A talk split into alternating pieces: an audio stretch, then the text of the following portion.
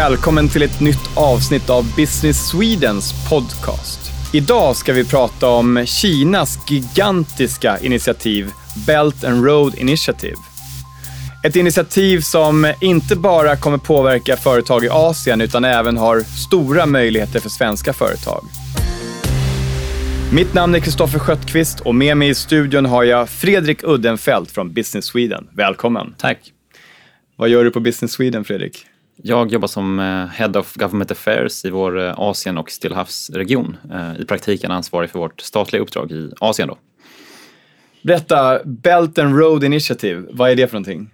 Det är ett enormt initiativ på över 500 miljarder dollar som berör mellan 60 till 90 länder som i stort går ut på att bygga vägar, järnvägar, broar, pipelines, fiberkablar och mycket annat.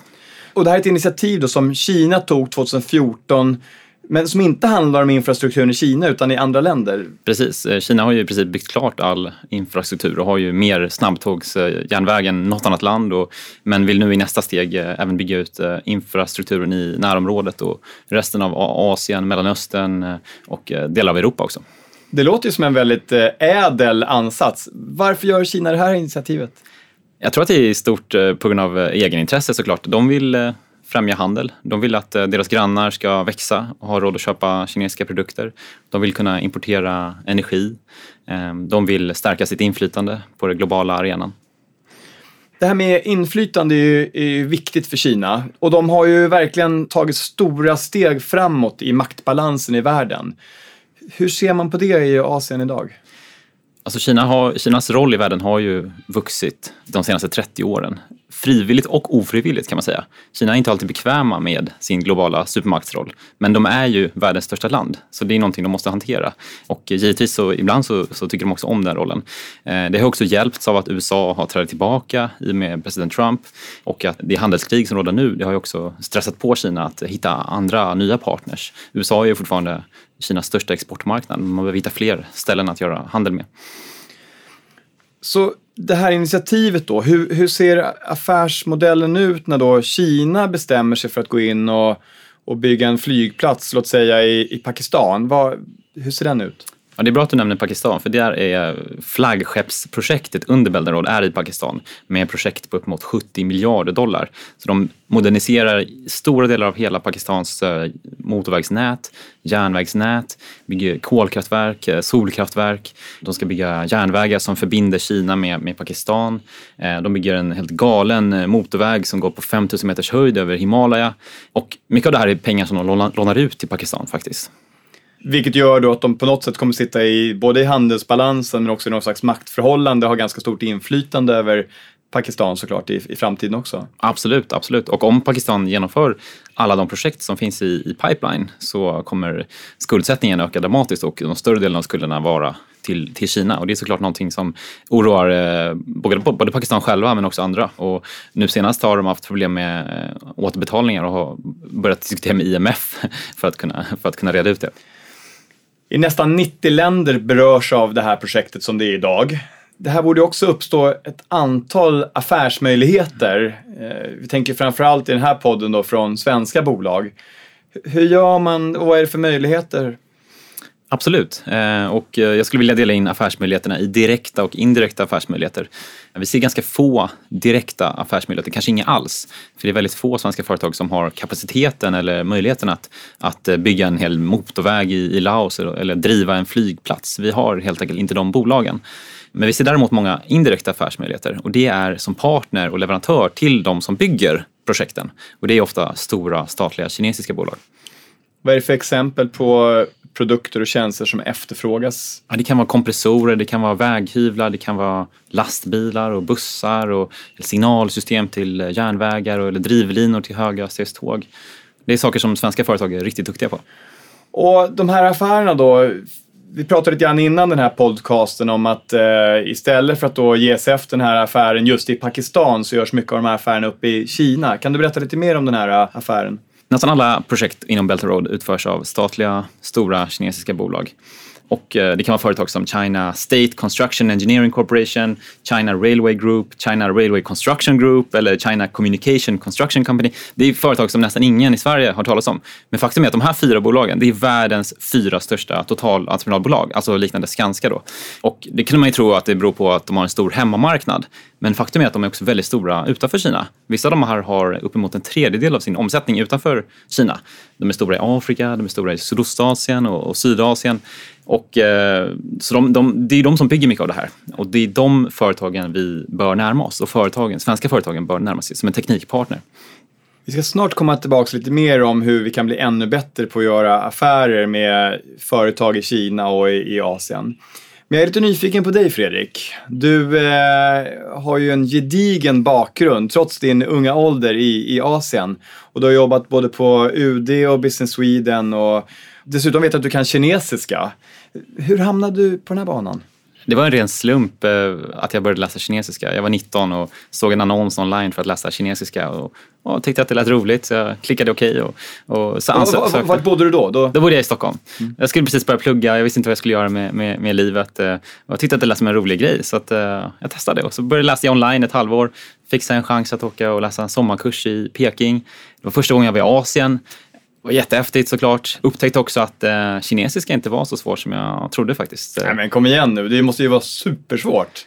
Jag skulle vilja säga att det är ett av världens lättaste språk. Eh, det är grammatiskt superenkelt. Det eh, finns in, går inte att böja verben eh, och uttalet är lite knepigt men det tar, tar bara tid och det är inte logiskt krävande som kanske ryska eller franska. Men, men, när jag tittar på en kinesisk text, det känns ju helt orimligt att lära sig. Men, men, men, eh, kan du läsa kinesiska också? Ja, absolut. Ja, ja. Det, tog ju, det tog ju tid. Det var riktigt jobbigt måste jag erkänna. Som sagt, det är inte logiskt utmanande. Det, är bara, det tar bara tid och slit. Eh, men vem som helst som kan skriva svenska eller rita lite kan göra det. Hur är det i Kina annars med engelskan? Eh, klarar man sig att hanka sig fram med det eller är kinesiska absolut en jag, tror, jag gissar att det är svårt, men jag har aldrig testat. Jag har aldrig behövt använda engelska. Så att, men jag tror att det är ganska svårt att klara sig på engelska. När svenska företag ska etablera sig in i Kina, så eh, vi hade en podcast tidigare här där vi pratade med Tobias Glitterstam som är en av dina kollegor. Nu vet jag att 4,4 procent av svensk export eller globala affärer för svenska företag. Så Tobias sa att vi borde dubbla det där. Mm. Eh, vad är det för tips som ni ger till svenska bolag i, i Asien och i Kina?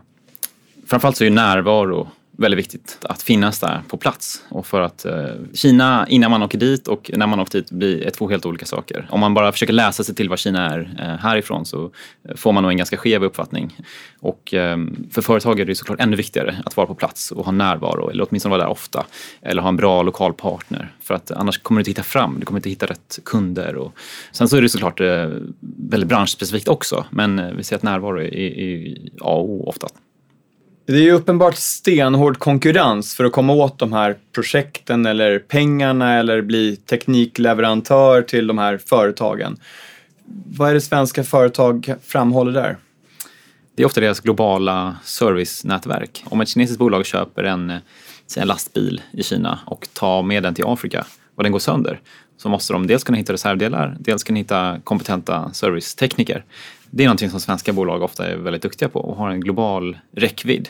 Och att, eh, jag vet att vissa bolag jobbar mycket inom sina CSR-program med att utbilda servicetekniker i Afrika till exempel så att alla vet hur man reparerar en Volvo eller Scania-lastbil. Det är någonting som kinesiska bolag ofta saknar. Eh, Maskinen kanske funkar väldigt bra men, eh, och du kan reparera den i Kina men när du tar den utomlands så kan det leda till problem. Mer tips till svenska företag som ska in här? Vi vet att många av de här stora statliga bolagen har standardiserade och rigida inköpsprocesser och eh, det är inte bara att knacka på dörren. Och det är också väldigt, väldigt stora organisationer med hundratusentals anställda. Så det är ju väldigt viktigt att man förstår hur de köper, vad de vill ha och komma åt rätt beslutsfattare. Och eh, för det krävs det ofta såklart en närvaro i Kina.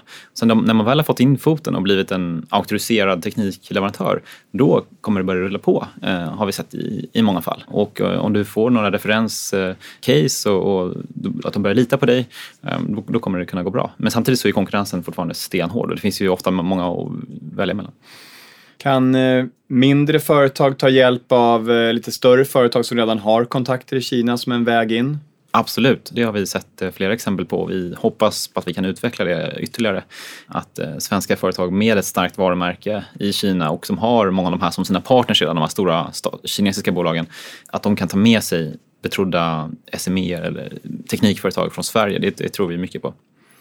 Och i ditt jobb på UD, då har du även varit med och drivit mycket delegationer där eh, svenska ministrar och kungligheter kommer in och hjälper till med handelsfrågor i Kina. Är den symboliken viktig när svenska företag ska in och göra affärer i Kina? Det kan absolut eh, hjälpa till att öppna dörrar. Det har vi sett. Och jag, min näst sista vecka på jobbet på konsulatet i, i Shanghai så hjälpte jag till att ta emot eh, statsministern som var där med en väldigt stor affärsdelegation. Eh, och det märktes när statsministern var där att eh, nivå verkligen spelar roll och det öppnade upp nya dörrar för oss. Vi var ju till exempel i Hangzhou, en, en stad eh, nära Shanghai som inte så många känner till men där huvudkontoret för Alibaba ligger. Och vi träffade Jack Ma eh, och spenderade en halvdag nästan med, med honom och med hela affärsdelegationen. Och det är ju sådana sådana företag som verkligen kan ge en, en, en snabb eh, genväg in i Kina. Och det, det var ju, märktes ju verkligen hur enormt intresse det genererade bland de svenska bolagen. Och Jack Ma, det är då Alibabas eh, grundare, precis, grundare ja. grundaren och eh, högsta chefen. Mm. Och en av Kinas eh, och världens rikaste män. Ja, det var någon som sa att eh, Alibabas på Singles Day där så sålde man lika mycket på en dag som eh, H&M gör på ett helt år i ja. världen. Ja. ja, det är helt galet. Så tillbaka till det här Belt and Road Initiative. Vad är det för komponenter som ingår i det? Det består av tusentals eh, projekt för många hundra miljarder dollar. Många av dem är fysisk infrastruktur och energi och kraftöverföring. Till exempel järnvägar mellan Kina och Europa som redan idag rullar. Idag går det att eh, skeppa någonting från Kina eller till Kina mellan Tyskland och eh, Kina på 14 dagar. För några veckor sedan så invigdes en järnvägslinje mellan Sverige och Kina tar 19 dagar att skeppa någonting eh, och det är ju ungefär hälften av vad det skulle ta till sjöss då. Dyrare såklart, men snabbare. Så att, eh, och det är redan ganska populärt. Det går tusentals eh, tåg redan idag mellan Europa och Kina. Framförallt då till liksom elektronikbranschen som har ganska högt värdeinnehåll per, per vikt. Man har också byggt en stor pipeline ner genom Myanmar, ner till, alltså söder om Kina, då, ner till havet, som har kapacitet att forsla 7 procent av Kinas oljeimporter. För så som, om man tittar på en världskarta idag så ser man att Singapore ligger väldigt, väldigt strategiskt. Och det finns något som heter Malacca-sundet där. Och där passerar 80 procent av alla Kinas oljeimporter, eller energiimporter. Eh, Ryssland bygger en enorm gaspipeline eh, genom Sibirien som heter Power of Siberia som ska gå ner i norra Kina. Kina köper idag enormt mycket naturgas och gas för att man vill komma åt luftföroreningarna och man vill ersätta kol. Man bygger också en järnväg ner genom Laos Laos första järnväg. Laos är ett av ett jättelitet land med bara 5-6 miljoner människor som landlocked och ingen, ingen kust. Ligger precis söder om Kina. De har ingen järnväg och inte så mycket annat heller. Ehm, där bygger Kina nu en järnväg som kommer korta vägen betydligt ner till Sydostasien. Man vill på sikt bygga järnväg hela ner till, vägen ner till Singapore. Man ska kunna åka snabbtåg från i princip Shanghai eller Peking ner till Singapore. Man eh, bygger också de här enorma projekten i Pakistan som ska gå ner till en djuphavshamn i Pakistan. Och då blir det verkligen en genväg. Då slipper man segla runt hela Singapore och hela Sydostasien då om man kan ta genvägen genom Pakistan. Men det är väldigt långt innan vi ska, det kommer dröja länge innan vi är där. Så det innebär, det innebär väldigt konkreta saker som man kan ta på och saker som ofta behövs i de här länderna. Det är länder som saknar infrastruktur. Och vad är det för företag som ni idag hjälper in där? Är det bara stora svenska bolag som är med och kan bidda på de här grejerna eller är det också svensk innovation från mindre bolag som kommer in där? Så just nu ser vi framförallt att eh, stora bolag har stark potential att göra affärer. Många av dem gör redan affärer med de här stora kinesiska statliga bolagen. Men vi ser att det kan bli ännu mer. Vi eh, hörde till exempel från ett eh, stort industribolag att de säljer nästan lika mycket eller lika mycket till Afrika via Kina som de säljer lokalt via dotterbolagen i Afrika. Det säger ganska mycket om utvecklingen och hur, hur viktiga Kina är i, i Afrika. Men vi, vi, vi har märkt att vissa bolag är bättre förberedda än andra på det här och är bättre riggade. Det har, handlar ganska ofta om eh, samordning mellan olika dotterbolag, mellan Kina-dotterbolag och dotterbolag kanske i Afrika eller i Malaysia. För att vanligtvis så är ju svenska företag vana vid att hantera en kund på en plats. Men här handlar det om att hantera en kund på många olika platser och en ganska specifik typ av kund, stora kinesiska statliga bolag. Vi hoppas absolut kunna hjälpa lite mindre bolag också. Eh, vi tror att om man har en tillräckligt intressant teknisk lösning och kan leverera värde till de här stora statliga kinesiska bolagen så är det absolut möjligt. Men de här stora bolagen har ofta väldigt rigida och, och liksom uppstyrda inköpsprocesser som man måste förstå. Eh, och man måste ju kanske ofta ha närvaro i Kina också för att kunna närma sig de här bolagen. Vad är nästa stora område som kommer att växa inom eh, Belt and Road Initiative? Är det något nytt projekt som kommer startas där som inte ligger ute just nu? Det som är lite speciellt med Belt and Road är att det är, väldigt, det är både top-down och bottom-up. Så det lanserades ju på väldigt hög nivå utan att definieras så tydligt. Och sen räknade man med att det skulle fyllas med innehåll underifrån. Och så kan man haka på då en Belt and Road-klisterlapp eh, liksom, klisterlapp på det. Så att det kommer projekt hela tiden under, underifrån. Det var någon som beskrev det som att det är svampar som växer upp ur marken. Som kan dyka upp eh, var som helst, liksom i, i Sydostasien eller i Centralasien. Och, så det är lite svårt att överblicka. Det finns ingen central projektlista, det finns inget centralt projektkontor i Peking och de flesta projekten initieras inte ens i Peking eller drivs därifrån. Därför är det lite svårt att eh, säga exakt eh, och det är inte heller så transparent. Och 2014 när det här släpptes så fick ni besök då ifrån eh, tjänstemän från Kina som skulle berätta om det här. Eh? Berätta om det mötet. Precis, då satt jag i, i Shanghai då på konsulatet. Eh, då lanserades det på högsta nivå av presidenten eh, Xi Jinping och eh, alla lokala tjänstemän då fick såklart direktiv om att börja sälja in det här initiativet och berätta om hur, hur bra det är. Så, så då fick vi väldigt många besök då från provinserna och, och från Shanghai och, och, från alla möjliga organisationer som skulle berätta om det här. Men de visste inte riktigt vad det var, för ingen hade riktigt definierat det för dem. Eh, så de kunde kunde bara berätta eh, om det i väldigt vaga ordalag. Det var lite, lite lustigt att se faktiskt. Eh, men, men samtidigt så förstår jag, det är så Kina funkar och nu vet vi mycket mer om det. I bästa fall så blir det här ett otroligt bra projekt som ökar tillväxten i hela Asien och ökar välbeståndet. Vad kan de negativa sidorna på det vara? Finansieringen är en nyckelfråga här och, och framför allt de senaste månaderna har det varit mycket diskussion om, om, finansieringen och skuldsättningen. För många länder lånar ju väldigt mycket pengar eh, för det här. Kinas två stora banker, alltså de, det kallas policybanker, de är inte kommersiella banker utan det är statliga banker som används till olika policyfrågor. China Development Bank och China Export Import Bank. De har idag lika stora, eller större utestående lån än vad Världsbanken och de multilaterala utvecklingsbankerna har. Det är väldigt mycket pengar de har lånat ut. Och de är inte transparenta med sina räntor. Eh, de är inte med i Parisklubben där sånt där regleras eh, av andra utvecklade länder. Och Många av de här länderna verkar ha lånat lite för mycket pengar, kan man tro i alla fall. Det är lite svårt att säga, men, men eh, det är vad många tror i alla fall. Och, och, flera av länderna har redan dragit sig ur vissa projekt. Malaysia drog nyligen i bromsen och, och backade ur många av projekten för att de är oroliga att eh, skuldsätta sig för djupt. Och det spred lite ringar på vattnen så att nu börjar man fundera lite samma banor i Pakistan och andra länder. Eh, så att, och det är någonting som Kina måste hantera och de har även på sistone erkänt att det här är ett litet problem och att man måste hitta andra sätt att finansiera det. Och att det inte bara går att låna ut pengar och sen be ett kinesiskt företag bygga saken och, och sen tar de också med sig sina arbetare och bygger själva projekten. Så att de måste se till att mer av pengarna stannar i den lokala ekonomin. Så Fredrik, när jag har personer som dig som reser runt i världen och, och, hjälper svenskar och svenska företag att göra affärer. Du brukar alltid fråga om vad du får för uppfattning av eh, de människorna du möter, hur de upplever Sverige. Den bilden. När du pratar med en taxichaufför eller när du träffar affärsmän, i, affärskvinnor i Kina. Vad, vad säger de om Sverige?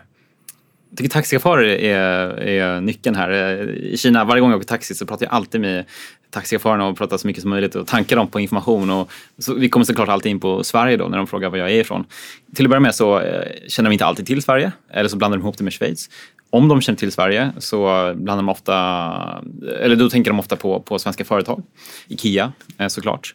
Men även, eh, det kan vara, även vara ABB, det kan vara Atlas Copco. Man vet inte, det kan vara ganska otippade saker. Och sen så är de ofta väldigt nyfikna och frågar mer. Och, och till exempel ett av de mest kända bolagen i Kina eh, som är svenska är IF Eh, som inte är särskilt stor i Sverige, eh, men som är då eh, engelska kursbolag. Det är ett av de absolut största svenska bolagen i Kina och väldigt välkända. Så när man säger att IF är svenskt, då bara wow, det är ett bra bolag. Mm. Nej, men så folk är väldigt positiva till, till Sverige, skulle jag säga, i allmänhet. Och när man gör affärer, vad är det för saker man ska lyfta fram som är det typiskt svenska, som passar bra in i Kina? Det många i Kina uppskattar med Sverige är vår långa närvaro, våra långa band. Vi var ett av de första länderna som erkände nya Kina. Vår traditionella vänskap, eh, det värderas ändå fortfarande i, i Kina.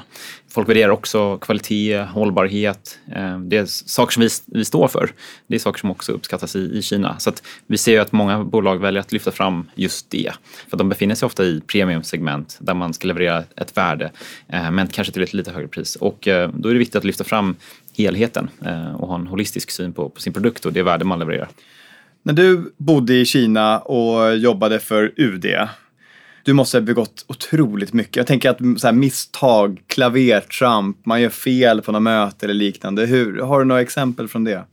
Saker som jag kan lära mig tills nästa gång jag kommer dit och ska göra någonting bättre jag brukade alltid tänka go with the flow. För man hamnar alltid i väldigt spännande och nya och oväntade sammanhang i, i Kina. Och eh, då ska man bara le och bara go with the flow. Eh, för att det är så det även, är även för kineser. Och man ska inte ställa till en scen framför andra. Man ska inte, eh, helst inte ifrågasätta någonting sådär när man sitter ner. Och man om man ska ifrågasätta någonting måste man göra det väldigt försiktigt. Folk eh, säger väldigt sällan nej eh, rakt ut sådär. Man säger hellre då att det är lite obekvämt. Eh, det betyder nej. Så det är en ganska subtil kultur som man måste anpassa sig till och liksom ligga lite lågt. Så Fredrik, eh, slutligen då. Det här initiativet har hållit på sedan 2014. Hur ser framtiden ut? Jag tror att det här bara är början. Förra året så skrevs initiativet in i kommunistpartiets eh, konstitution. Presidenten har ju fått, eh, har kunnat utöka eh, mandatperioden. Han kommer säkert sitta kvar under ganska lång tid. Och det här är ju hans, en av hans babies kan man säga. Ehm, så att det, det tror jag borgar för att det här kommer få ett ganska långt liv. Och sen så kommer man utveckla metodologin över tiden och man kommer förfina det och man kommer, ja, man kommer finjustera det och man, man kommer framförallt fortsätta att, att pusha det. Och jag tror att det här är bara början. Och eh, oavsett vad man tycker om det så finns det där eh, och det är viktigt. Och eh, det kommer innebära affärsmöjligheter, indirekta eller direkta, för en hel del svenska bolag. Spännande. Tack Fredrik för att du kom hit till studion idag och delade dina insikter och tankar om Belt and Road Initiative och affärer i Kina. Tack så jättemycket.